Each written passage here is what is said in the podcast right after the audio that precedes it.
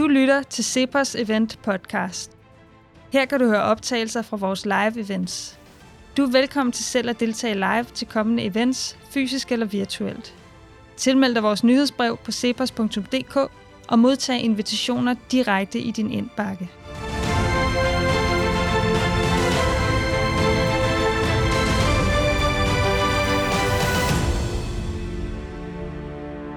It is now 4:30 and we are ready to start this book launch. Welcome everybody. My name is Martin Ågerup. I'm um, CEO here at CEPOS. Um, and we are here for a book launch event for the Danish translation of The Myth of the Rational Voter. We have the author Bryan Caplan with us online. Um, the Danish translation looks like this. Have you seen this how, how do you how do you see this like that? Right? Have you seen this, Bryan? Uh, I still can barely see it. okay, that's the Danish version. I need to get it closer to the camera. okay. Well, congratulations. Do you have the book out in Danish now? Congratulations to uh, all of us for having it in Danish. Uh, what's going to happen now is Bryan will speak for about 20 minutes uh, about the book. Um, and then we'll have a 10 minute uh, question and answer session Yes, and we still have people pouring in. The the myth of the punctual. Uh... no, no, it's great. It's great. It's lovely. Come in, sit down. It's great to have you here. Um, so what's going to happen is that Bryan will speak. We can't. We can't. I can go twenty if you want. I'm a professor. I can talk for any amount of time on any subject. I know that, Bryan. That's why we gave you 20 minutes. so, what's going to happen is Bryan is going to talk for about 20 minutes. Then we'll have a 10 minute uh, uh, uh, session for, for questions, and then we'll switch. Bryan will leave us, and then we'll switch into Danish and uh, look at this whole uh, aspect of the not so rational voter from a Danish perspective with an election campaign coming up uh, apparently. Um, we're not in an election campaign, just like Russia is not in a war, right? Um, okay, so here we go. Bryan, congratulations with uh, your book finally uh, having been translated into Danish. Thank you for joining us. Um, what can I say? The floor is yours. The uh, the the the cyberspace is yours. Take it away. All right. Thank you so much, Martin and CEPOS I got to visit you guys a few years ago before COVID, and I was able to see all of the love in the room. Uh, it is mutual. I am a bit surprised that the book was translated into, into Danish because your English is so great over there. But no doubt there must be some people that will now be able to finally read it that we're not going to read it in English, or maybe it's just better in Danish. I don't know. You'll have to tell me. Um, just to give you some background on the book, there is a long tradition in social science and economics of saying we have to understand politics as if everyone involved is rational, not just politicians and interest groups, but regular voters. We've got to think about it that way. This means that if you take it very literally, that you are not allowed to make any arguments like protectionism exists because people underestimate the social benefits of free trade. Rather, built into the definition of rationality is that on average, people must be correct. Some people might overestimate the effects of uh, the benefits of protectionism, some might underestimate the benefits of protectionism, but you are not allowed to argue as a matter of methodology that things are going wrong in politics because people just have, on average, incorrect beliefs. When I started working on this, I was always skeptical of this idea, but I did figure that there would be some good evidence in favor of the normal view and that I would need to argue with that evidence. What I actually found when I started reading was that this was really just pure dogma. It was something that theorists said because it made their lives easier which actually, if you know economic theory, we often do this. Economists, when they do economic theory, will often just assume that the math works out in an easy way so that they can get an answer and get publications. You can understand why they pull this trick, but it's not a good way to think about the world. Rather, it's much more important for assumptions to be realistic, to look at how things really work. anyway, so when I started going to the evidence, I just found that essentially all of the empirical evidence said that regular people do make large systematic errors. It isn't just that people are ignorant where they randomly are too high or too low. Rather, there are clear cut patterns in the data. The main ones that I talk about in this book are, first of all, uh, anti market bias. Uh, laymen tend to systematically underestimate social benefits of markets. They assume falsely that because people in markets are making money, therefore the social outcome will be bad.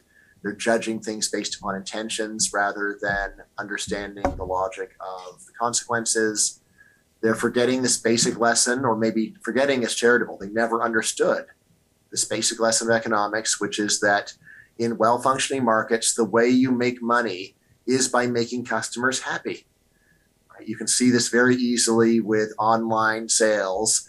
If you are running an online business, you want your customer satisfaction ratings to be very high because that is what you need to do well in business in the long run. So, anti market bias is one that I talk about a lot. Another one is anti foreign bias, being especially pessimistic about the social or about the economic effects of economic interaction with foreigners. Right, economists traditionally have taught about free trade. I have focused a lot more on the far more regulated area of immigration. I know that in Denmark, immigration is a big issue, and even out of people who are pro market, there's a lot of skepticism about immigration. Uh, it would be great if we could come back to that later, right? Uh, but in any case, you know, the logic of free trade in labor is the same as the logic of free trade in goods. In both cases, you increase total human wealth by specialization and trade. The argument that if we have free trade in goods, we don't need free trade in labor is totally wrong because in modern economies, 80% of the economy is services. 80% is services. Therefore, if you can only trade goods, you can only trade about a fifth of what people actually want to trade. You cannot make restaurant meals for me from Denmark if I'm living in America. You can't mow my lawn for me. You can't take care of my kids. You can't, cannot take care of the elderly, and so on. Uh, so, free trade without free migration is really barely free trade at all. Uh, then in the book, I also talk about make work bias, focusing on employment rather than production when you're judging economic performance. Denmark is one of the better European countries for labor market regulation, but you were not always. Uh, so we can go and look at other at the regulations in France or Italy, for example, and see so much of it is based uh, of the policies based upon the idea that the important part of the economy is the job. When, of course, in reality, it has to be the production. If you have an economy where everyone has a secure job but nothing gets produced, then you are desperately poor, or actually you're dead because nothing's produced. Then you don't have anything. All right. Uh, so that is an, another ma- major economic bias in the way that laymen tend to see the world. The last one I talk about is a generic pessimism, just thinking the world is in decline, is bad now, and is going to get worse. Uh, since we're out of COVID, this is once again true, basically. During COVID, I had to say, well, yeah, we got things are gotten a lot worse. Uh, it's not always true that things are getting better, just normally. Uh, in any case, now things have obviously improved a lot. Uh, of course, it's easy to improve when you start out in a terrible situation, as we did with COVID, when so many countries were just locked down. I don't remember quite how bad Denmark was. I know you were much worse than Sweden on this, uh, but uh, we can come back to that as well. All right. Now, uh, there's an old joke that says an economist is someone who sees that something is possible in theory and what, or sees that something is true. Rather, excuse me. There's an old joke that says, says an economist is someone who sees that something is true in practice and wonders how is it possible in theory. All right. Now, in a way, this makes economists seem like very silly, but this is not such a bad approach when looking about the world. If you're a physicist and you see a helium balloon, you shouldn't go and say, "Oh my God, I guess gravity's not true." Right? You've got you've got a theory, and the first step is to say, "Well, can we understand how there can be a floating helium balloon but also gravity. Right? I'm not a physicist, but I think they do understand that one pretty well. Something to do with density of helium, I guess. All right, and the same thing I say goes for economics, where at least the first thing we want to do is look at the facts and see well, is it really true that theory disallows this, or is that just our poor understanding of the theory? All right. Now, how could it be that voters are so irrational? Right? Because the errors that I'm talking about, they're not just errors of one or two percent. They're massive. They're often night and day errors. For example, on understanding why the price of gasoline rises. You'll have about 90% of economists saying supply and demand, about 25% of non economists saying supply and demand. What do non economists think then? Cartels, conspiracy. That's why prices go up. Why do prices go down? They never go down. All right. All right. Kind of the lay, layman's view of things. You know, they only complain when they're going up. They don't celebrate when things are going down. So there's no need for a theory of when prices are going down. All right. So anyway, how is it possible that laymen could be so wrong about this stuff? Well, I mean, one story could be that all of economics is wrong and people aren't rational anywhere. Right. So people go to the store and just buy a bunch of stuff they don't want without looking at prices and then get home and say, why, why, how did this happen to me? Uh, but that seems wrong too. People generally seem when they go to the store to actually be aware of what they're getting they're often very specific. I want this brand, or this. There's a problem with this. It may look like it's. It may look like it's a good deal, but actually, you get such a large quantity, you wind up throwing out most of it. People do look at prices often when they're shopping, right? So, why then would it be that people would be rational in some areas of life and irrational in others? And the big story that I push in Myth, Myth of the Rational Voter is that when you are shopping for yourself, if you have irrational beliefs, you suffer. If you buy fish and you don't like fish, then you waste your money and you don't have food that you want. This is what's going on when people are spending their own money. On the other hand, when people vote, because one vote makes very little difference for the outcome, the way that you vote has almost no effect on the policies you live under which means that it is perfectly safe to vote for crazy things. It is perfectly safe to go into the voting booth and vote at random. It is also perfectly safe to go in there and vote on the basis of an absurd philosophy or ideology. And this is what I say people, in fact, do. The same person who is totally reasonable in real life will have will apply a much lower level of intellectual effort to politics and as a result, they have views that are simple minded, confused, hateful, or otherwise driven by emotion. Uh, here, honestly, I'm always thinking about my dad, who is a thinly disguised character in the book. Uh, he's the shrewd businessman. If you go and read it, I don't know how you translate shrewd businessman in Danish, right? But uh, what do you do? I don't know. Is it like German? Do you say like klug? Or something like that. I, I, don't, I don't know. But anyway, my dad is a PhD in electrical engineering. He's a very smart guy. He is an antique car restorer. He is someone with great practical skill. If I was stuck on a desert island, he is one of my friends who is most likely to be able to help me build a boat and get me off the island. But his political views, it's not just that I disagree with them, they're just very foolish. They are obviously driven by anger he just, consults his feelings. I am angry about this.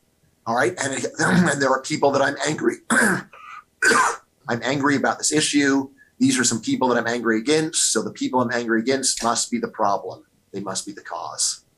Right. So my dad is angry about foreigners. Therefore, foreigners must be causing Americans economic problems. I can't remember what is in the book, but yes, my it is barely an exaggeration to say that my dad thinks that all of Americans' economic problems could be solved by a naval blockade of Asia and a Berlin Wall at the Mexican border. Right? And you know, as for why this is, it's not like my dad has read the textbook and found an error. He just has no idea what's in the textbook, but he does know he does not like foreigners. And so he scapegoats them for these problems. Um, now, how do we really know that the story is correct? Right? How so? like we can see or seems like people are, are at least a lot more rational as consumers than they are as voters. Um, one possibility of those, well, maybe politics is just a more emotional subject intrinsically, something like that. Uh, here I say that the best evidence is what happens when you offer a bet. People often make extremely hyper, extremely hyperbolic, make hyperbolic claims about politics, such as X will certainly cause Y. This will be a complete disaster. If the Democrats are elected, the United States economy will be destroyed in a matter of weeks. All right, this is the way that people talk about politics. And yet, if you then say, all right, that's what you believe, how, why do we not bet on this? Let's make a bet. So if US GDP falls by 50% within the first month of Biden's administration, then I will give you $100. Otherwise, you give me $100.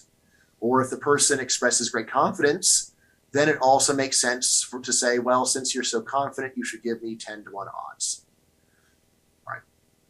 In practice, when people make hyperbolic statements about politics, when you offer to bet them, they almost never accept the bets that would be implied by their official statement. Instead, they either suddenly tone it down or just don't want to bet. I know this because one of my hobbies is publicly betting people who say things relevant to politics that I think are crazy. It is very hard to get people to bet on their outrageous statements, which I say shows that on some level they know that they are wrong. Right? On some deep level, they actually realize that what they're saying is intellectually irresponsible. They're applying low standards. Probably not at the moment of speaking, but when you go and challenge them, this is where they're faced with the reality ah, I form this belief in an intellectually low quality way. And so I don't want to go and bet my house that what I said was actually true. Uh, so using these methods, I have a you know, long series of bets. If you go and Google my name and uh, Bet Wiki, Bet Wiki, I have a list of all the public bets that I have made and the resolution. Uh, right now, I have won 23 out of 23 bets that have resolved. Uh, so I say these are these are cases where I'm betting the people that don't seem to realize that they're wrong. But uh, important to remember, almost all these bets, the person originally said something much more extreme, and then to get them to bet, I had to go and offer terms that were much more favorable than their actual previous statements entitled them. Uh, for example, the closest to losing I ever came was a bet with Canadian political commentator Mark Steyn. So in the early 2000s, he said that the European Union was on the brink of collapse. And then to get into bet, I said, all right, I'll bet you that no current member of the EU with a population over 10 million exits the EU by January 1st, 2020.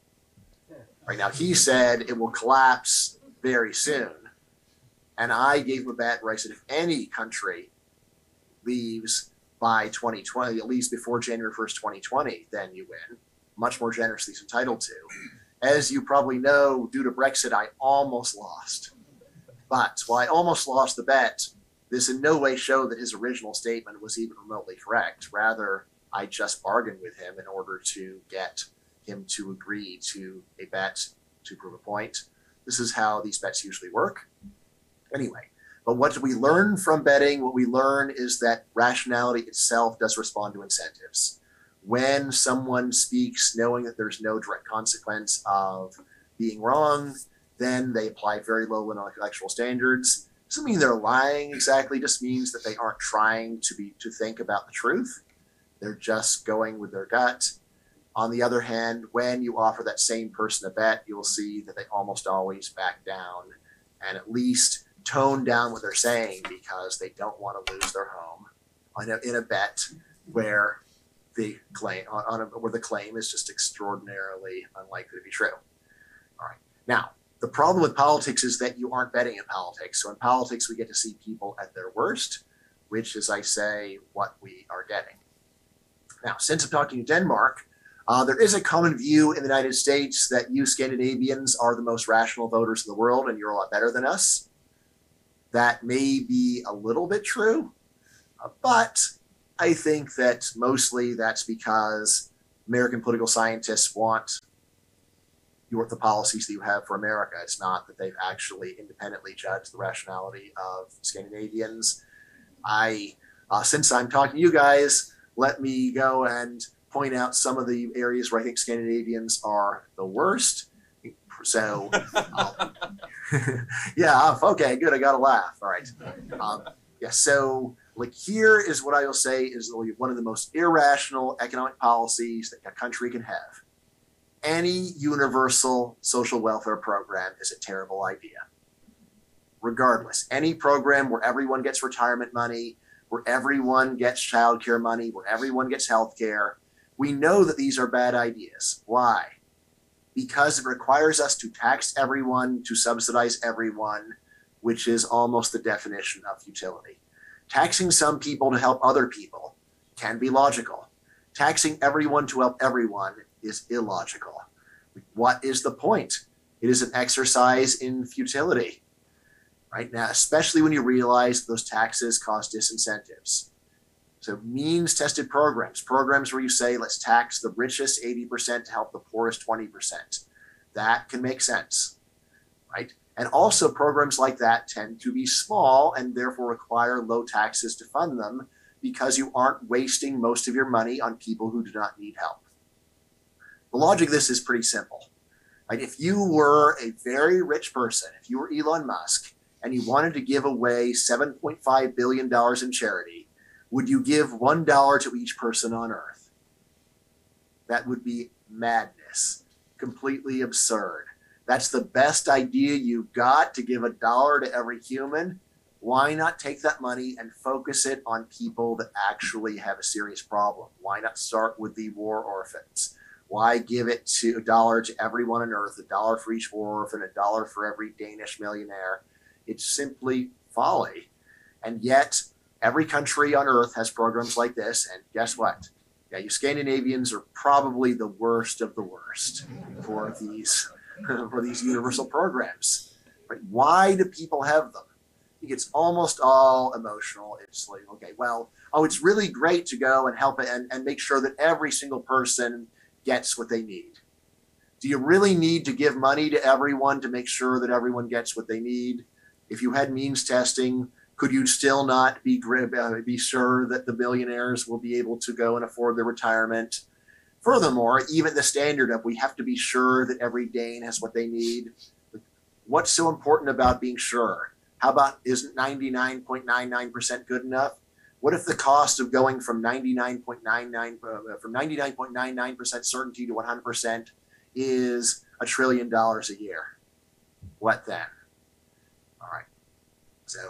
Uh, now the only argument you ever really hear from social scientists about this is, well, the only way that we can maintain the welfare state at all is by tricking voters by telling them they're getting something out of it, even when on net they are losers. Um, we can talk about that more in the question and answer, but this is an argument that many smart people have made, and yet it is obviously false. Almost every country also has a bunch of means tested programs. They are not tiny programs. To say you simply cannot sustain a welfare state without universal without universality is again just completely wrong. And yes, as you guys know, this is an enormous part of your budget. Scandinavia could drastically reduce government spending, drastically reduce taxes, still take care of the very poorest people in your countries just by admitting that the approach that you're using, though it sounds good, is in fact very foolish. All right, so I think I will leave it there and now turn it over to questions. Thank you very much, CEPOS and Denmark. Okay.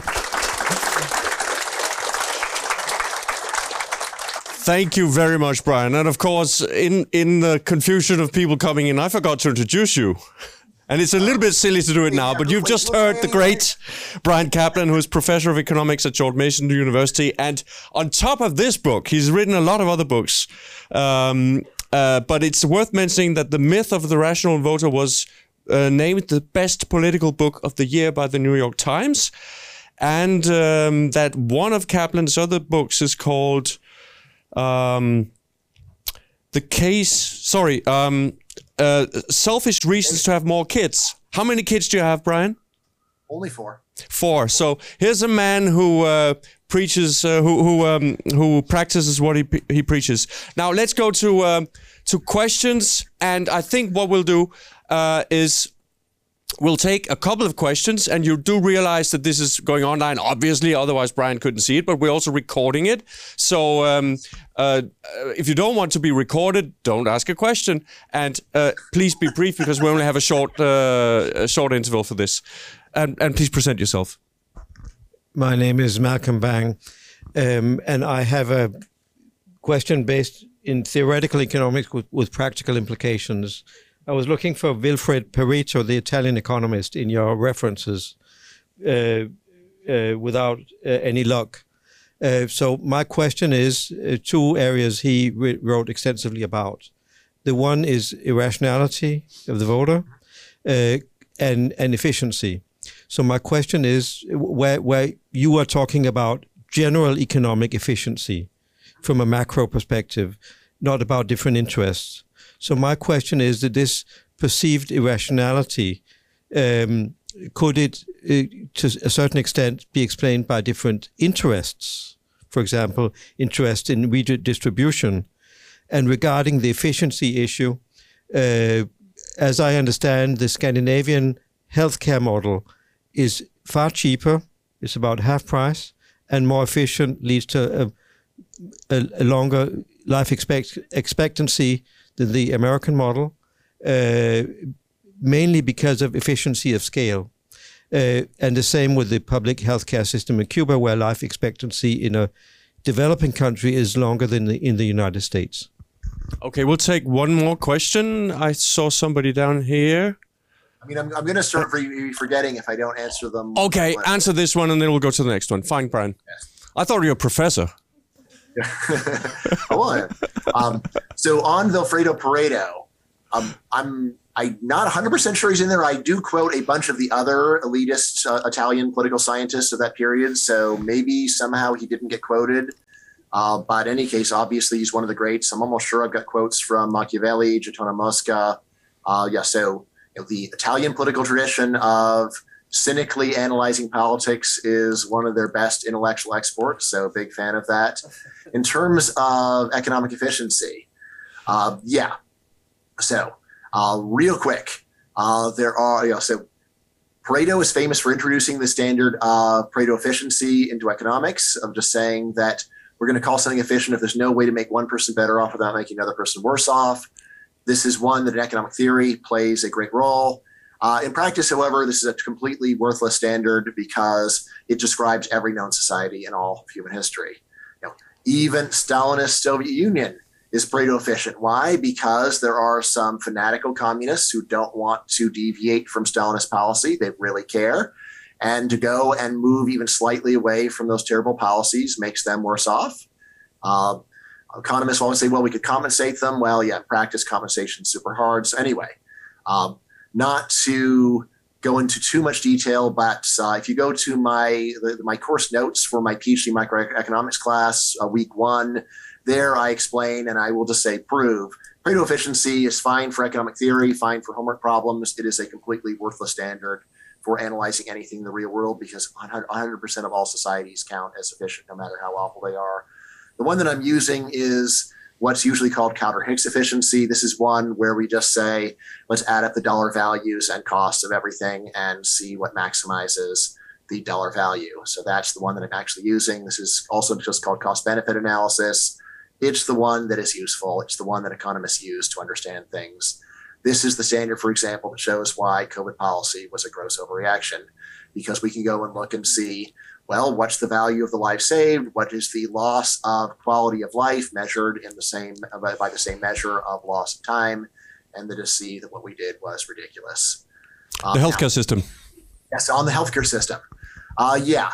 Uh, so I am. I think it's quite likely actually that the Danish healthcare system is better than the U.S. one because the U.S. has a terrible one where we spend an enormous amount of government money on healthcare and we waste almost all of it. Right. So the US basically has an especially absurd view where if where most people are not eligible, but if you are eligible, we will pay any amount, no matter how much, for even the smallest problem. right? And as a result, we spend more money, our government spends more per person than most other countries in the world, probably more than Denmark. And then we also have a lot of private spending on top of that. I don't think this has anything to do with scale economies. I think that what's going on is that you guys just waste a lot less money than we do. Uh, and in particular, because we have this uh, this very silly standard of health at any cost. Uh, the Cuban numbers, though, I just say are completely bogus. Never trust any official statistics of a communist government. This is a rule that is not always true, but nevertheless, until you are able to go in there and look at all of their official documents and have an un- unrestricted access, don't believe a word they say. Right. Uh, so I have friends who work on Cuban numbers. Uh, they are greatly, are probably greatly hiding infant mortality for starters. Uh, also worth pointing out uh, that there is a large research literature where the consensus is that healthcare is just a greatly over overestimated factor in life expectancy. It is much more about diet and exercise, lifestyle. Uh, Belize is also a country where they have a life expectancy comparable to the United States, right? They're much poorer. So, as to what's going on, it's an interesting question. But in any case, uh, one of the main gains in Cuban life expectancy actually came after the collapse of the Soviet Union when their GDP crashed. They didn't have enough money for food, and the entire country lost weight. All right. So, in a sense, you could say, all right, well, Cuba's good for health because it's hard to get food there. okay, right. we'll take the next question. Yeah. All right. So, you know, so Denmark might be better than the U.S. Cuba sucks. Hundred percent sure. Ninety nine point nine nine. Fine. uh, certainly, uh, Bryan. I want to start off by thanking you for writing a great. Oh, sorry. Book. Speak up, please. It's hard, oh, hard to hear. Can you hear me now? That's best. Yeah. Okay. Um, I just want to start out by thanking you for writing an excellent book. It uh, it gave You're me welcome. a great many insights. Um, I was actually wondering if I don't know if it's a difficult question, but do you believe that social media is that um, increasing or decreasing the opinion gap between uh, economists and the general public? I mean, Twitter, That's a- Facebook, that's a- yeah, that's a whatever, podcasting. Yeah. yeah. Fantastic question. Uh, here is the unfortunate reality. There's a lot of evidence that the U.S. economics profession has moved left in the last 25 years. I actually tried to make the original foundation that did the survey on which I based the book redo it well on the 25 year anniversary, but I was not able to convince them to do it. But there's a lot of other evidence that the U.S. economics profession has moved left, um, and by quite a bit, especially young ones. Uh, one story is they've learned something and now they realize that previous economists are wrong. I don't think that's actually true. But in any case, what we see is that the economics profession has moved left, and then economically, probably the U.S. public has moved left as well. Um, and again, this is possibly again like you, you could you could argue this is all for the best. I don't think so. But anyway, since both have moved moved in a left wing direction, uh, you know, like you know, in terms of that gap, uh, it's not clear that there is a difference in the gap for social media to explain. I mean, I would the main thing that I'm confident the social media does is increases the spread of opinion. There's just a lot more weird and eccentric views that are that now have adherents. When I was a teenager, there were a lot of people with weird views, but they had no audience. So each person with a weird view was just one person by himself, maybe bothering his family. Now, if you are an energetic person with a weird view, you might have 10,000 YouTube followers. So I think that is giving a larger spread in opinion. Although I think the main thing that social media does is it reveals a, a lot of voices that were always there but just didn't have a platform. And now we find out just how crazy people are.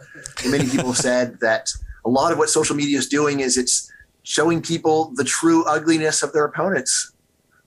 Okay. or at least the showing them the ugliest opponents they have, which previously they never would have been aware of or, or meet. So I think that's the main thing social media is doing. But I will say that it's really complicated, and I don't think that very much really good research has been done. But maybe you could do it, and then I, I will blog it if you do something good. Okay, thanks. We'll take one more question. Oh, okay. Sorry. Um, so I thought I thought there was a question there, but there wasn't. So I'll ask you a question, Bryan. Um, you also talk about um, the um, so there's rational ignorance but there's also rational irrationality. Yes. So it is not just a question of people not knowing, but of people uh, even you you hint at it uh, when when you say that somebody might actually deep down know, but they still say crazy things. Could you talk a little about uh, a, a little bit about rational irrationality? Uh, sure. All right. So rational ignorance is a concept that has been around for a long time. It's very simple. It just says that some things are not worth knowing. And when they are not worth knowing, it is rational to be ignorant. Right? For most people, there's no point in understanding the history of ancient Assyria, and therefore they don't bother. They realize it wouldn't help them, so they don't put time into it. And as a result, they know no- almost nothing about it. They're rationally ignorant. In politics, people have used this to say, well, it doesn't really pay one voter to know exactly how Danish dairy subsidies work. And so the typical person does not know, whereas the Danish dairy industry, on the other hand, does know. All right, so that's rational ignorance. That was around long before me. Uh, all perfectly fine idea. It has plenty of good examples, but to me, it did miss what struck me as being much more important, which is people, which is fanaticism. It's one thing for someone to be apathetic about politics, but we also see fanaticism. We see people who, on the one hand, they know almost nothing, they don't understand the other side's views, they barely understand their own views, but they still are really committed, enthusiastic. They are not people who say they're ignorant, they're people who claim to know, even though you may say, well, how could you know? You don't really study the subject, you're just consulting your anger, Dad. So for that, I, I said, well, I said, well, like it's very helpful to think of there being another epistemic flaw, which I call rational rationality. This is where in issues where you where on some level you realize it doesn't matter if you're right or wrong, then you rather than just not knowing anything about it, you turn down your level of intellectual effort. You take your dial of how hard am I going to think about this and turn it down to a really low level, or maybe just turn it off.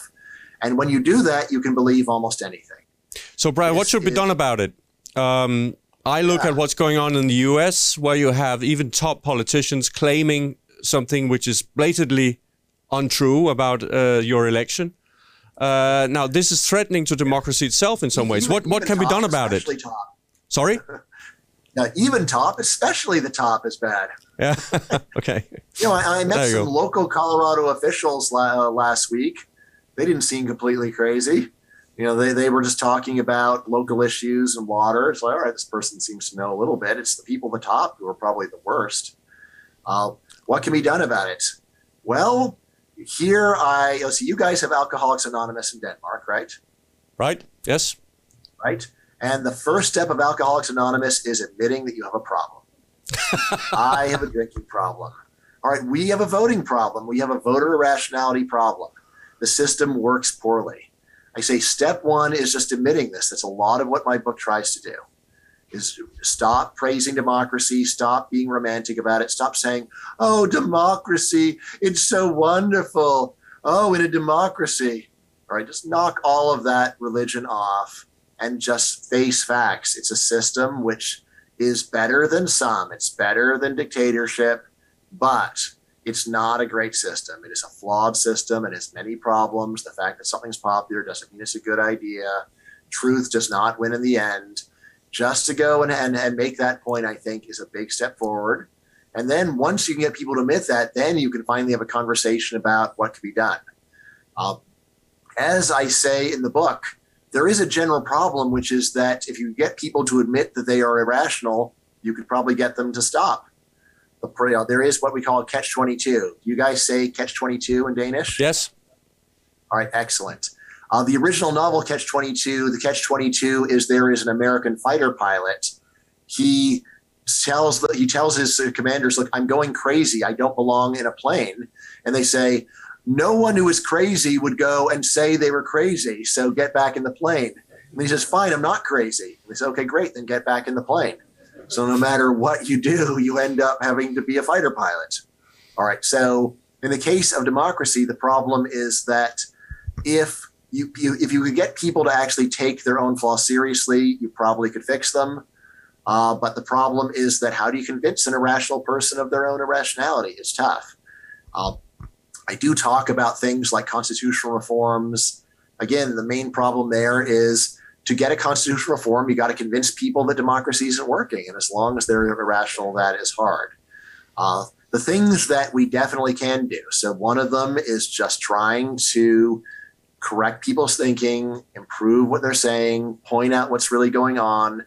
Is it uh, a really effective remedy? No, but it does help. Things like that think tanks like CEPOS do, where you just try to raise the quality of discussion, try to make it a bit more awkward to be completely unreasonable in politics. That is one thing that pushes things in the right direction. And the other thing you can do is if you ever happen to have power and you can go and deliver policies better than voters want without losing office, I say do it guilt free, right? Given how irrational voters are, if you can get away with making policy better than voters want, you should do it without in any way having a bad conscience about it. If you're ever in the position to give Denmark more free trade than Danes want, give them more free trade. Give them what they give them what is good for them, rather than what that they irrationally think they want. And if you ever say, "Well, isn't that paternalistic?" Remember, this is not really paternalism because someone who's irrational doesn't just hurt himself in politics. You're hurting everyone else too. So, just to close, I've had the same argument with my colleague Pete Boettke several times. He says, Well, Bryan, what you're saying is we get the government we deserve. And I say, no, Pete, I'm saying we get the government they deserve. and that's the problem. Okay. Right, thank so you very much, Bryan. Thank you very much. Awesome. Yeah, thank you so much, Martin, for everything you've done. Hope to be back in Denmark sometime soon. Uh, and uh, you know, while this is all going on, uh, well, let's you know, I'll go great. Anyway, great talking to you guys again. I miss y'all. Bye.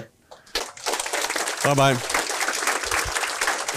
All right, have fun talking about this in Danish. Og vi iler videre på dansk med øh, Martin Vinæs, som er lektor ved Aarhus Universitet øh, og blandt andet forsker i borgernes politiske adfærd. Men nu har vi, får vi sådan en politolog på banen i stedet for en økonom. Øh, Martin har publiceret flittigt i øh, videnskabelige tidsskrifter herunder nogle af, af de bedste på markedet faktisk, øh, så som American Political Science Review og British Journal of Political Science. Værsgo, Martin. Tak fordi du vil komme. Ordet er dit. Den på mute. Sådan der. Nu tror jeg, der er lyd igennem. Øh, yes.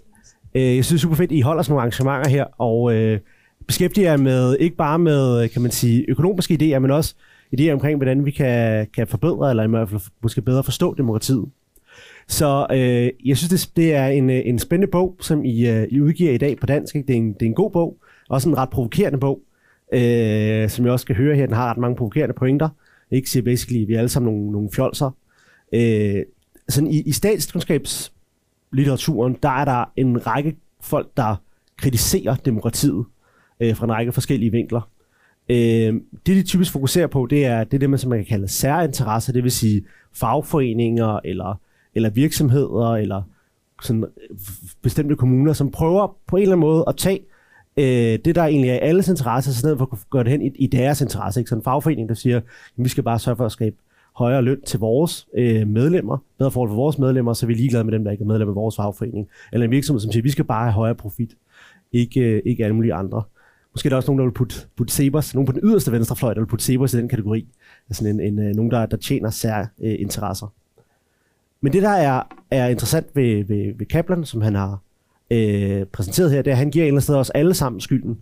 Øh, og siger, at det er ikke, det er ikke fordi, at der er nogen, øh, øh hvad hedder det, øh, nogen, der er, hvad hedder det, snupper øh, magten i demokratiet. Nej, det er demokratiet som sådan, der er, der er problemet. Og jeg synes grundlæggende, at hvis man ser på de ting, som, som han nævner, Kaplan, som skaber grundlaget for det her problem, så er de også 100% til stede i, i Danmark der er også en meget svag sammenhæng mellem, hvad man går ned og stemmer, og hvad førte politik egentlig bliver. Altså det er den enkelte person i Danmark har også meget lille, lille indflydelse på, om skatten bliver sat op eller ned, eller på om, hvad hedder det, vi skal have færre eller flere, øh, hvad hedder det, op til færre eller, øh, eller flere asylansøgere. Og måske kan man da sige det endnu værre i Danmark, fordi i øh, USA, der vil jo tit faktisk gå hen og stemme direkte på den regering, der skal, skal nedsætte den, den førte øh, politik. Hvor i Danmark, der stemmer vi jo på nogle partier, der så laver en eller anden revkage på Christiansborg og finder ud af, hvad skal der så rent faktisk ske. Øhm, så jeg synes, det, den den samme struktur, som, som Kaplan peger på, er der også i, øh, i Danmark. Danskerne er også i høj grad, når man ser på meningsmålinger, skeptiske både over for, for markeder og, og de fremmede, altså for, for, for indvandrere og for øh, øh, hvad hedder det, internationale virksomheder, multinationale selskaber, som man jo øh, også kalder det. Øh, og danskerne er også generelt set ret negative. De har en grundlæggende idé om, at tingene bliver, bliver værre over tid, og de er også øh, det, som øh, øh, Kaplan kalder, de fokuserer på sådan noget make work, eller de, får, de er meget, øh, hvad jeg har kaldt efterspørgselsfokuseret. Ikke? De, de tænker ikke så meget på, jamen, øh, hvad hedder det, hvordan skal vi sørge for at gøre øh, samfundskagen større? Det er mere et fokus på, når man, øh, hvad hedder det, hvor, hvor, hvorhen er det, skal vi, hvor skal vi bruge af den? En ting, som jeg vil tilføje, som jeg synes er, er, er en, en, måske en, en sjov ting, der ikke står så meget om i, øh, i Kaplans bog, det er, at øh, danskerne, og jeg tror også amerikanerne er typisk ret kortsigtede. Altså folk tænker typisk, øh, har øh, ikke øh, et perspektiv, som altid går på, jamen, hvad, hvad vil være godt om 5, 10 eller 20 år. Øh, folk tænker i højere grad ligesom på, hvad vil være godt her og nu øh, for samfundet, og det kan også godt skabe øh, nogle problemer, for eksempel at man måske investerer for lidt i at bekæmpe klimaforandringer. Tak.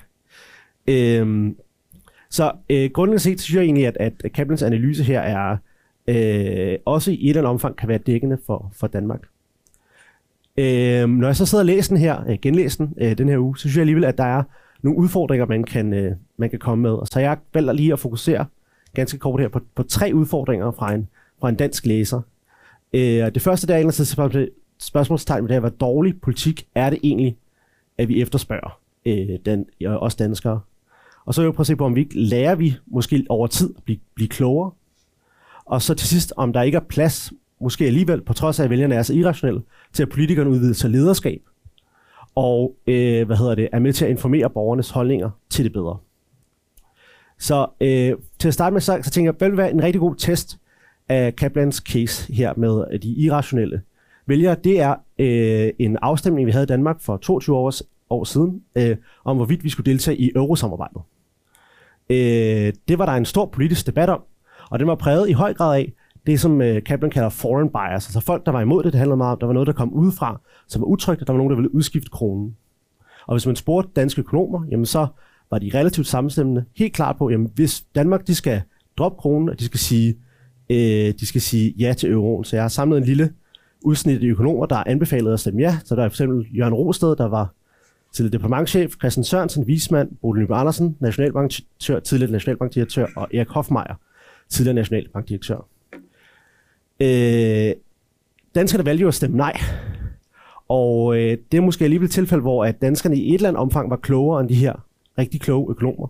Fordi siden da har der jo bare været øh, hvad hedder den ene efter den anden krise øh, hvad hedder det, i eurosamarbejdet. Og øh, hvad hedder det, i hvert fald tre ud af de her fire øh, økonomer øh, har også senere været ude og sige, at det, det var måske ikke lige så smart, at vi, øh, at vi pegede på et, et ja dengang. Det var nok været bedre at, at bevare kronen. Nummer 4 er ikke død, men hun, hun trækker stadig lidt på det. øh, af uforståelige årsager. Så jeg synes, det giver lidt blik for, at, Ja, jo, altså vi kan godt sige, at vælgere er super irrationelle, fordi de ikke handler på, øh, hvad der ligesom er up-to-date økonomisk visdom. Men nogle gange kan det også godt være, at måske er der en eller anden vælger en eller anden konservativ snusfornuft, som alligevel er vigtig øh, at lytte til i demokrati, og som også kan være med til at skabe noget, noget politisk stabilitet, og også gøre, at man øh, måske ikke bare, øh, som Kaplan foreslår i morgen, afskaffer alle universelle ydelser, og bare tænker, at det skal nok gå. Øh, en anden ting, øh, det, hvad hedder det, øh, ifølge det, det er også det her med, med bias mod, mod, mod de fremmede, så Kaplan er jo, som han selv nævner, stor fortaler for, øh, for migration. Ikke? Han har skrevet den her bog, Open Borders, The Science and Ethics of Immigration. Og det er ikke en, en diskussion, det er bare fordi han mener, at der skal grundlæggende være, være åbne grænser. Det er der mange danskere, som, som ikke mener. Øh, og det, øh, hvad hedder det, det er klart en, en kan man sige, den her hold, den her skepsis til over for øh, hvad hedder det, indvandring i Danmark, er ikke noget, som politikere eller eliter har fundet på. Øh, her har jeg øh, taget nogle surveydata med her, fra, som går fra 87 og til i dag, som viser, hvor mange danskere som mener, at indvandring er en, en trussel mod national egenart. Det man grundlæggende kan se, det er, det er at der er, de, den holdning har grundlæggende ikke udviklet sig siden øh, 87. et, et flertal af danskerne mener, eller cirka halvdelen af danskerne mener, at det er en trussel mod den, den nationale egenart. Og den her grundlæggende skepsis øh, var i høj grad ikke til stede i 87 blandt folketingspolitikere og økonomer og andre dele af den, den politiske og økonomiske elite, men øh, er jo siden da noget, som, som øh, hvad hedder det, øh, politikerne har valgt at lytte til. Og det kan man til sige, at det så ikke bare en, et, et resultat af noget af det, som vi ser hos Kaplan, det her med, at vælgerne har nogle irrationelle holdninger, men, øh, og hvad hedder det, så lytter øh, politikerne til. Men det, det synes jeg faktisk ikke, det er en så god øh, case på. Øhm, for det første så vil jeg sige, at når man taler med danske politikere om det her, det kan være også, at Ole kan komme ind på det her, det er, at, at danske politikere er i høj grad true believers, når det kommer til de her øh, hvad hedder det, stramninger, øh, den her stramme indvandrerpolitik. Måske af lidt forskellige grunde. Nogle mener, det er for at bevare velfærdsstaten.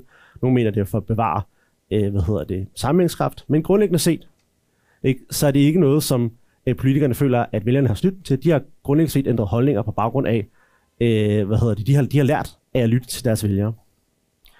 Endelig kan man også sige, at, at uh, Sveriges uh, eksperiment med at have en, en, en meget anden politik, som gik imod deres befolkning, er jo også i høj grad nu slut. Ikke? Det er igen et tegn på, at måske er vælgerne ikke så, uh, så tosset endda. Og måske også et, måske et, et lidt et tegn på, at kan man i nogle gange overser ikke politiske mål. Det kan jo fx være lighed, som der også var nogen, der var inde for i spørgsmålet, men også noget måske med sikkerhed eller fravær af kriminalitet, som måde, at, at borgerne også gerne vil have, ud over økonomisk vækst. Øhm, yes, den sidste ting, som jeg lige vil se på her, det var, om, om der egentlig er tegn på, at, at vælgerne lærer over tid. Og øh, der synes jeg, vi har en, en interessant case i, i Danmark her, øh, som er, at øh, i, i 70'erne og øh, hvad hedder det, der havde vi jo, ligesom vi har nu, en, en meget stor inflationskrise, men vi har også et meget stort problem med offentlig gæld. Øh, vi har øh, på de her billeder her til længst til højre øh, to socialdemokratiske statsminister fra 70'erne, Jens Otto Krav og Anker Jørgensen, der øh, hvad hedder det, var øh, i, i, øh, hvad hedder det, i, spidsen, så i spidsen fra regeringer, der lå øh, hvad hedder den danske gæld stige ganske betragteligt, som vi kan se Hans Bischof forklare i Danmarks Radio, dengang de virkelig kunne lave gode grafikker øh, ude til, øh, til venstre. Øh, som jo så ledte til, at Knud Heinesen i midten sagde i, i, øh, i starten af 80'erne, at vi var på vej ud over, over afgrunden. Og igen det her med sådan gældsfinansieret politik, ikke? Øh, igen noget som øh, Capital siger, det er jo drevet af de her irrationelle vælgere, øh, og det er et problem, der er meget svært at løse, fordi at øh, hvad hedder det, vælgerne de vil bare have, at, at politikerne skal bruge penge på at løse problemerne, men de gider ikke betale regningen. Men hvis vi så på, hvordan det er gået siden da, så har jeg til venstre her den, den offentlige gæld, som vi kan se steg betragteligt i løbet af, af 60'erne og 70'erne, men som siden da er faldet og øh, også nu øh, i dag, på trods af coronakrise osv., er meget lav. Øh, så det tyder altså på, at vælgerne i et eller andet omfang har øh, måske lært af den her krig, krisetid, vi var i 70'erne, og er blevet meget sensitiv over for, hvis folk, at folk ikke vil, øh, øh, altså hvis folk bare vil bruge penge, uden at, øh, at det bliver finansieret. Øh, og et godt eksempel på, at både politikere og og vælger er, er villige til at gå langt for ikke at have ufinansieret politik. Øh, det er, øh, synes jeg, er, at den her øh, efterlønsreform, som Nyrup lavede i, i 90'erne, som i høj grad var noget, han gjorde, fordi at han, øh, altså han havde jo i, i løbet af valget i, i, hvad hedder det, i 98, havde han lovet, det er den garanti, der ligger der, her er en garanti, skriftlig garanti, for at jeg ikke ændrer efterløn. Året efter går han så ind alligevel og skal efterløn. Og hvorfor gør han det? Jamen, det gør han til dels for at bremse lidt op i økonomien, men i lige så høj grad gør han det også, fordi at han øh, ønsker øh, at, hvad hedder det, at skabe større finanspolitisk holdbarhed. Han ønsker, at vi ikke skal ende i sådan en situation igen, hvor at vi har øh, stig, hvad hedder det, en, en stigende øh, offentlig gæld. Øh, så kan man sige, at man bliver så ikke straffet øh, ekstremt meget af det af vælgerne. Øh, jeg har i en, en, en, en nylig artikel i, i Politisk har faktisk fundet ud af, at nej, ja, det gjorde han ikke. Altså det er rigtigt nok, der var nogle vælgere, som gik fra Socialdemokratiet og til øh, de nogle mere venstreorienterede partier, nogle vælgere, som gerne vil have en mere, øh, en mere venstreorienteret fordelingspolitik. Men faktisk, de vælgere, der gik over midten ved det valg, det var ikke på grund af det her Nyrups efterløns, øh, øh det her med, at Nyrup han, øh, han brød det her løfte omkring efterlønnen. Nej, det var på grund af indvandrerpolitikken, som vi tog tidligere. Det vil sige, der er altså noget i en dansk øh, i de danske vælgere, hvor de har fået jævet sig en skræk i livet, virker det som om, og at de altså selv, i høj grad, gennemsnitligt set i hvert fald, sætter pris på, at hvis man skal bruge nogle penge, så skal det finansieres. Og det synes jeg også, vi kan se i den nuværende valgkamp, hvor at alle øh, hvad hedder det, seriøse partier jo skal have en 2030-skatteplan, hvor at man sørger for at balancere indtægter og udgifter, sådan så man ikke skaber øh, hvad hedder det, større udgifter. Sådan er det altså langt fra i alle lande, at partier fremlægger sådan nogle langsigtede øh, nogle, nogle øh, planer, hvor der er langsigtet holdbarhed. Okay, hvis jeg har et par minutter mere, har jeg det? Du må gerne lige runde hurtigt af. Men Jeg, jeg runder hurtigt af. Det sidste, jeg bare vil sige, og det var det her med, med, med politisk øh, lederskab. Og det er, at jeg tror godt egentlig, at der er plads til, at politikere også kan være med til at informere borgernes holdninger. Og jeg synes et godt eksempel på det, det har været den, den boligskattereform, som nu har, på grund af, de, på grund af ejendomsvurderinger, er der gået lidt tid for, den er blevet implementeret. Den boligskattereform, der blev lavet øh, i, i 2019, øh, hvor man øh, altså gik sammen på tværs af, af partierne, og øh, sagde nu, at vi har en, et, en, et, et problem med nogle øh, boligskatter, øh, som er, foregår på en meget uretfærdig måde. Det er et svært problem. Hvis vi går sammen på tværs af partierne, kan vi så ikke løse det på en måde, øh, som er, er fornuftig, og som øh, kan øh, øh hvad hedder det, overbevise vælgerne om, at der er altså et vigtigt problem her, der kan løses. Så der vil jeg bare sige, at jeg har igen i et, i et nyligt studie prøvet ud, at se på, jamen, da den her øh, reform blev meldt ud, jamen var det så sådan, at vælgerne på sådan en irrationel måde bare igen og straffede politikerne, hvis de gik efter deres private økonomi. Nej, der viste sig faktisk, at hvis politikerne, politikere man stoler på, kommer med gode argumenter for, hvorfor at man for eksempel som lejlighedsejer i øh, Storbyen skal betale lidt mere i skat, fordi at, at man har meget skæve ejendomsvurderinger over tid, jamen så køber folk faktisk de argumenter. Så bare for at absolut sige, at jeg synes, at det er fantastisk med Kaplan's bog her, myten om et irrationelle vælger, men vi skal også passe på, at vi ikke gør vælgerne alt for irrationelle. Tak.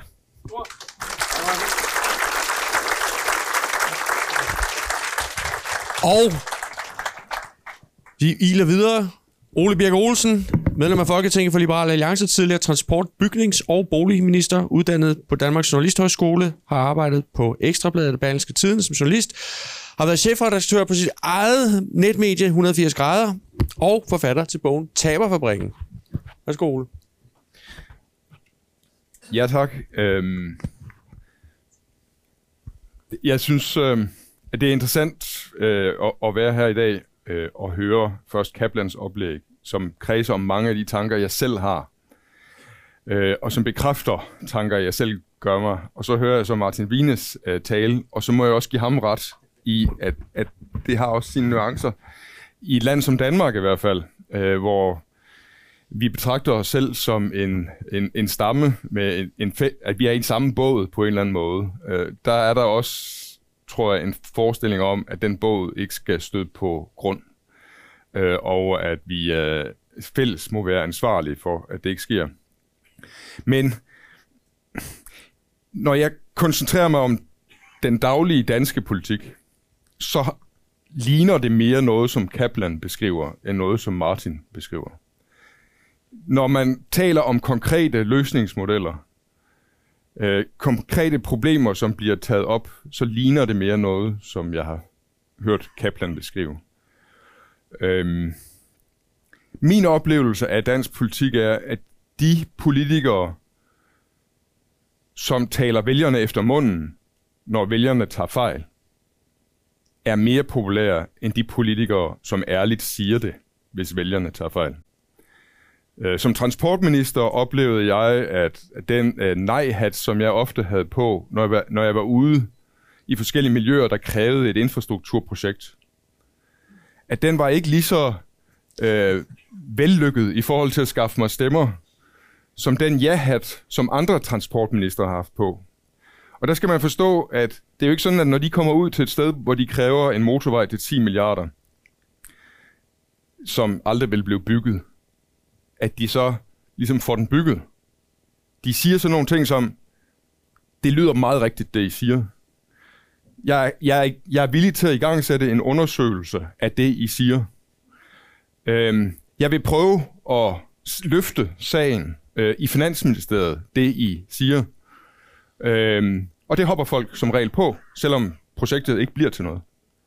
Så kommer jeg ud, og jeg siger det, som alle burde sige, dette infrastrukturprojekt giver ikke særlig meget mening sammenlignet med så mange andre infrastrukturprojekter.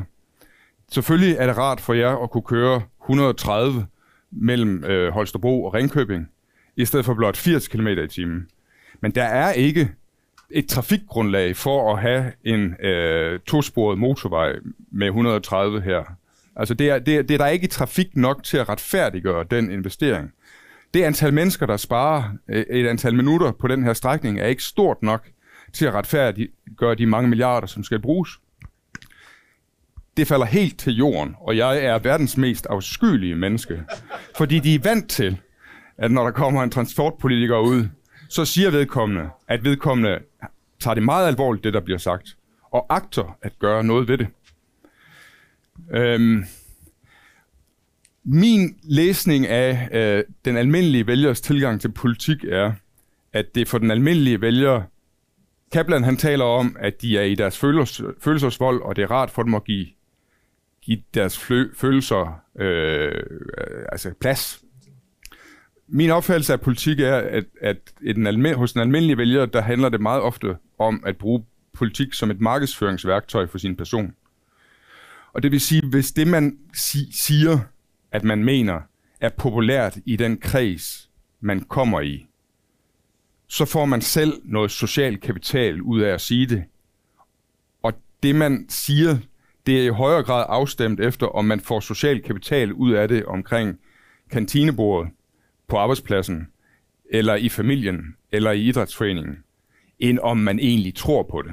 Så man har, altså det er nogle men, altså de fleste mennesker er formentlig i dag i gruppestyret og ikke indrestyret. De, de, deres moralbegreber og det de siger er styret af, hvad det, hvilken plads det giver dem i de grupper, de er i. Så, så hvis det er populært at sige i, på sin offentlige arbejdsplads, at øh, fandme også bare, øh, alle burde stemme på enhedslisten, fordi så ville vi få nogle flere penge, vi kunne bruge her på den her offentlige arbejdsplads til at hjælpe øh, de her mennesker og få nogle flere kolleger, så vi kunne løse vores arbejde ordentligt. Så gør de det, fordi det er det, der gør, at de bliver populære på arbejdspladsen. Øh, hvis man forestiller sig på den arbejdsplads, der var en eller anden liberal, som siger, jamen altså, vi bruger i forvejen mange penge her, og, og de ekstra milliarder, som enhedslisten siger, vi skal bruge, dem tror, tror jeg ikke, der er særlig stor nytteværdi af. Jeg tror mere, det bliver til noget byråkrati, og, og i virkeligheden kunne vi måske skære lidt mere ned på møderne, og måske holder vi bare flere møder, hvis vi får flere medarbejdere osv. Det, det ville falde til jorden, og man ville tabe på det. Øh, og derfor tror jeg ikke, folk gør det. Hvad er så løsningen på det her? Øh, den, den der ikke øh, lige for. Øhm, så sent som i dag er jeg, øh, Tom Steno i Berlinske, blevet beskrevet som en krakilsk type. Fordi at når folk siger noget forkert, så insisterer jeg på at sige til dem, at det er forkert. Øh, det tror jeg, det, det er i hvert fald en medvirkende årsag til, at, at han siger, at jeg er en krakiler. Øh, så, så mi, altså jeg kan jo ikke, altså der er en grund til, at da Anders Samuelsen ikke blev valgt, øh, og, og der skulle være en ny leder af Liberal Alliance, der er en grund til, at jeg ikke greb ud efter den post. Jeg havde selverkendelse nok til at vide, at den type, jeg er, ikke kan få bred opbakning i en befolkning. Og at Alex Vandopslag ville være meget bedre til det. Så, så jeg tror, løsningen er, at, øhm, at man skal have, et hvert parti skal have øh, forskellige typer. Øh, og der er nogen, der skal sælge produktet, og der er nogen, der skal lave produktet. Og øh, når jeg kigger ud over øh, nogle af de andre partier, så er det synes jeg, at der i mange af partierne er øh, en, en misforståelse af, hvad produktet er. Altså, der er for mange mennesker, der, er, der beskæftiger sig med at sælge partiet, i stedet for at skabe et produkt, der er, der er værdifuldt. Øh, jeg synes, øh, i nogle partier, lad mig nævne enhedslisten, selvom jeg synes jo, det er et forfærdeligt parti, men, men der er, nogle, der er nogle, nogle forbenede ideologer i enhedslisten, som sørger for, at enhedslisten altid trækker i socialistisk retning. Og, og så er der en, en masse mennesker, der også beskæftiger sig med, hvordan man sælger det øh, bedst muligt. Øh, og på samme måde burde der også i alle blå partier være nogle folk, der, der sørger for, at produktet er øh, altid trækker i en blå retning. Og så hjælper de nogle andre med at sælge produktet øh, til folk, fordi de andre er bedre. Ja. Så du ser faktisk enhedslisten som et mere ærligt parti. Skal du forstå sådan? Nej, jeg synes, enhedslisten lyver konstant. Altså, jeg, men altså, altså bare, bare, bare tanken om, altså bare påstanden om, at socialisme kan gøre noget godt for et samfund, mener jeg er løgn. Altså, for jeg tror ikke på, jeg kan ikke tro på, at de selv tror på det, når det kommer til stykket. Så derfor må det være løgn i en eller anden forstand. Øh, men, men, men, men de er dygtige, de er dygtige til at sørge for, at alt, hvad de foreslår, det trækker i socialistisk retning. Og få nogle populære personer i front, der, der, der kan sælge socialismen, som om den har et menneskeligt ansigt. Okay, super. Tusind tak. Tusind tak. Kan jeg ikke få dig op også nu? Ja. Så øh, skal du lige have dit øh, headset på igen. Så hvis I begge to bliver deroppe, så tager vi lige øh, nogle, øh, nogle spørgsmål og refleksion. Øh, jeg vil lige nævne, at Øh, øh, man kan få en rabatkode til bogen inde på eventet på øh, sebers.dk, øh, hvis man vil købe den øh, en anden dag, eller er online. Og det er der jo nogen, der er. Der er også nogen, der følger med online.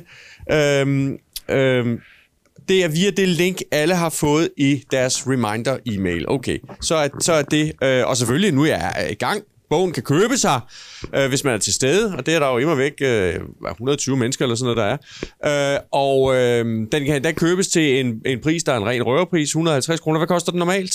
Er der nogen, der ved det? Det var familie 240 eller sådan noget. 258 normalt, så i forhold til 150, jamen altså, køb den før din nabo.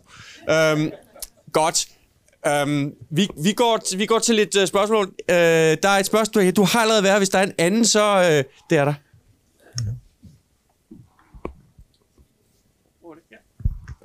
Tak.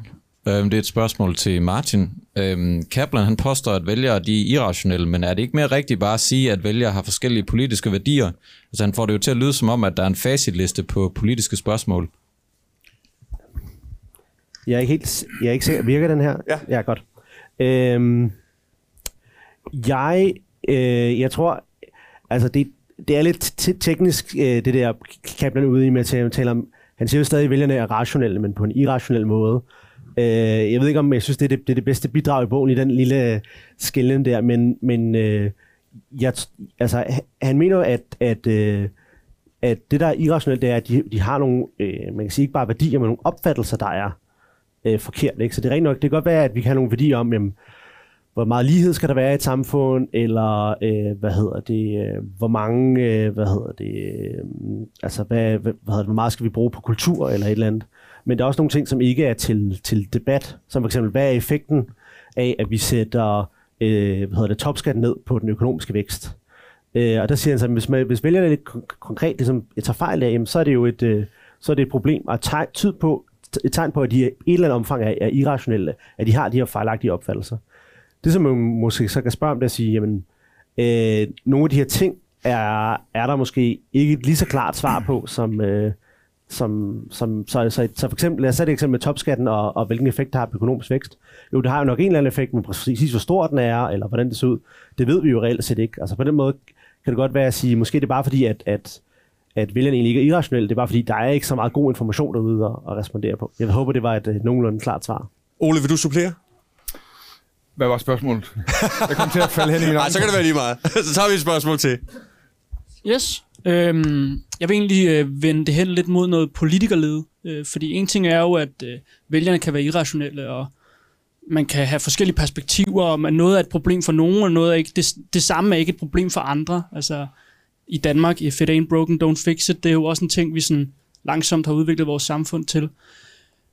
Men den her politikerled, altså vælgere kan være irrationelle, fair nok.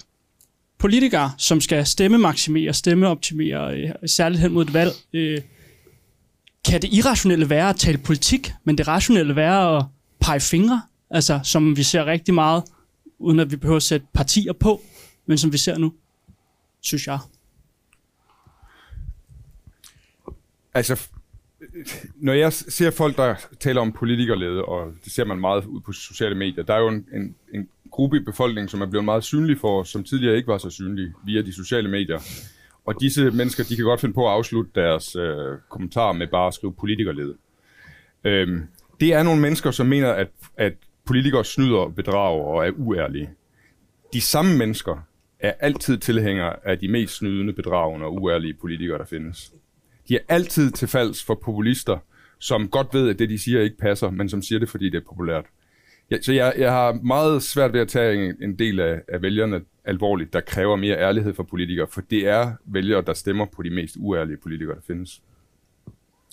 Martin, har, har du noget? Hvad, hvad, hvad viser din forskning? Nej, det, det ved jeg ikke. Jeg tror mere, man skal sige, at, øh, at politikerled er en naturligt øh, konsekvens af, at der jo er øh, vi er jo politikere, der politikere og partier, der konkurrerer med hinanden, og øh, hvad hedder det, øh, Øh, det, det der, der skal de jo sige nogle pæne ting om deres egen politik, men det er jo også et nulsumspil, så de, de bliver jo også nødt til at sige, hvis, de, hvis Ole mener, at, øh, at enhedslisten siger noget, der er forkert, så bliver han jo øh, nødt til at sige det. Selvfølgelig kan man godt bede politikerne om at sige det på en, på en ordentlig måde, men, men jeg tror også, det er en, det er en, en konsekvens af den øh, konkurrence, der er, og det kan godt være, at den konkurrence er blevet lidt mere øh, intens. Øh, nu er der også kommet sociale medier henover, men jeg tror i høj grad, det er det, det er en konsekvens af.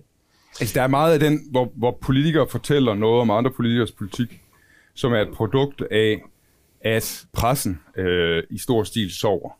Altså, hvis vi havde en vågen presse, der pointerede det, når Mette Frederiksen for tiende gang siger noget, der ikke passer. Det, det har vi begyndt at få på det seneste, men vi har gennem, været igennem en hel valgperiode, hvor Mette Frederiksen har kunne sige hvad som helst, uden at det blev en historie i medierne. Og det er stadigvæk ikke en historie i medierne, at det ikke kun handler om træer, men at der er en skov, at, at, at der er en systematik omkring den måde, Mette Frederiksen kommunikerer på, som udgør en skov af løgne i et omfang, som vi ikke har set tidligere. Det er ikke, ikke endnu en pressehistorie. Derfor er der politikere, der bliver nødt til at påpege, modstanderpolitikere, som bliver nødt til at påpege, der bliver simpelthen løjet.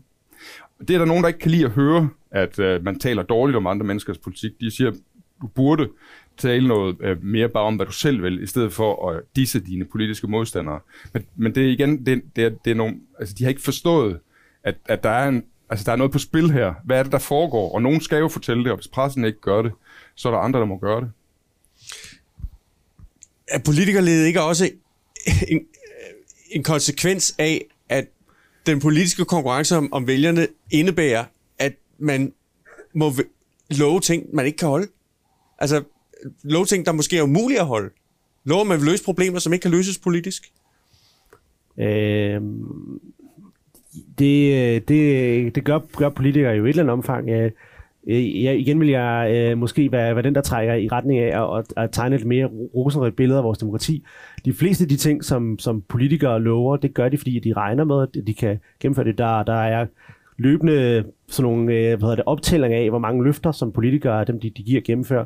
Og, og de fleste af dem bliver faktisk øh, gennemført. Altså så øh, når en, når en, når Ja, en ja borgerlig... de, de er mere konkrete. Men Ja, ja. sådan noget som, at, at, at, at vi skal gøre noget ved børns mistrivsel. Men det skal vi jo også. men, det er men, øh, men det er jo så svært at sige, hvad, hvad, er, Men- godt, hvad er godt nok? i Men inden forhold man ved, til- hvad problemet er, så er det lidt svært at gøre noget, ikke? Ja, jamen det er jo Ja. ja. det, er måske rigtigt, ja. Altså, øh, hvis vi tager... Ja, undskyld, at jeg har et horn i siden på Socialdemokrater. Undskyld. Det overrasker os, Ole. Det er ja. det eneste. Men, men prøv at høre. De sidste... De, altså, Mette Frederiksens valgperiode kender vi alle. Vi, vi ved, i hvilket omfang der blev talt sandt og ikke blev talt sandt. Helle Thorning kom til magten på et program, der hed Færre Løsning, som var underfinansieret med mellem 22 og 39 milliarder kroner. Derfor fik vi i ugerne og månederne efter øh, diskussionen om en løftebrudsregering. Fordi der var mellem 22 og 39 milliarder kroner, som ikke kunne gennemføres fra deres Færre løsningplan. Nyrup har vi også øh, været inde på. Nyrup han går til valg og vinder et valg på at have lovet uændret efterløn til alle. Øh, der går få måneder, så laver øh, Mogens Lykketoft en finanslov som finansminister, hvor øh, efterlønnen bliver ændret. Altså, det, det, det er de sidste tre socialdemokratiske regeringer, vi har med at gøre her. De se, sidste tre socialdemokratiske valgsejre. Nyrup kommer til sejr på en løgn. Helle Thorning kommer til sejr på en løgnagtig færre løsningsplan. Mette Frederiksen løg ikke særlig meget i valgkampen, men hun har gjort det i perioden her for at vinde det næste valg. Vi tager næste spørgsmål. Ja, jeg hedder Michael Sandford, øh, og øh, jeg vil sige om, om Brian, at øh, han har jo ret i det generelle, hvor Martin kommer med tre eksempler, som er undtagelser, og på den måde, så mener jeg egentlig, at Brians og Martins indlæg, de går meget fint i spænd. Og så mit spørgsmål, det går på, jamen, øh, hvorfor øh, taler man ikke mere om de meget røde medier? 80% af alle journalister, også i Danmark, er, er venstreorienterede, og det er måske derfor, vælgerne øh, også er uoplyste.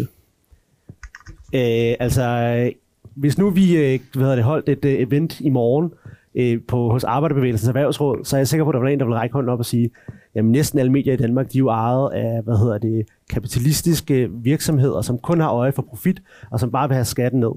Øh, så jeg tror, at den der kritik er noget, der kommer, er, er noget, der kommer fra, fra, øh, fra begge sider. Jeg tror, det er svært at sige, de, de analyser, der bliver lavet, der sådan systematisk prøver at sige, jamen, bliver der talt til fordel i hvert fald for, for, for rød blok eller blå blok, for eksempel på DR eller på TV2, eller i, øh, hvad, hvad hedder det, og i andre, altså de officielle medier, de finder i hvert fald ikke den her form for ubalance. Så jeg tror ikke, at svaret skal finde, i hvert fald ikke findes udelukkende i medierne. Officielt så er tiden ved at være gået, men jeg tillader mig altså lige at lade os gå et par spørgsmål over tid, og det betyder så, at hvis man har beregnet, at man skal gå nu, så er det ikke uhøfligt at gøre det, men øh, vi kører til videre. Værsgo. Men Martin, jeg har et problem. Jeg burde sidde i, i Københavns øh, borgerrepræsentation lige nu. Nå, okay. Jamen, øh, øh, jamen så, så giver du den næste sig selv, så bliver vi nødt til at stoppe Ja, det nu. ja. Tak. Tusind tak til Men Martin. Martin kan jo fortsætte. Nej, det, det, det, det synes jeg ikke. Tusind tak til Martin Vines og Ole Birk Olsen. og tak fordi I kom.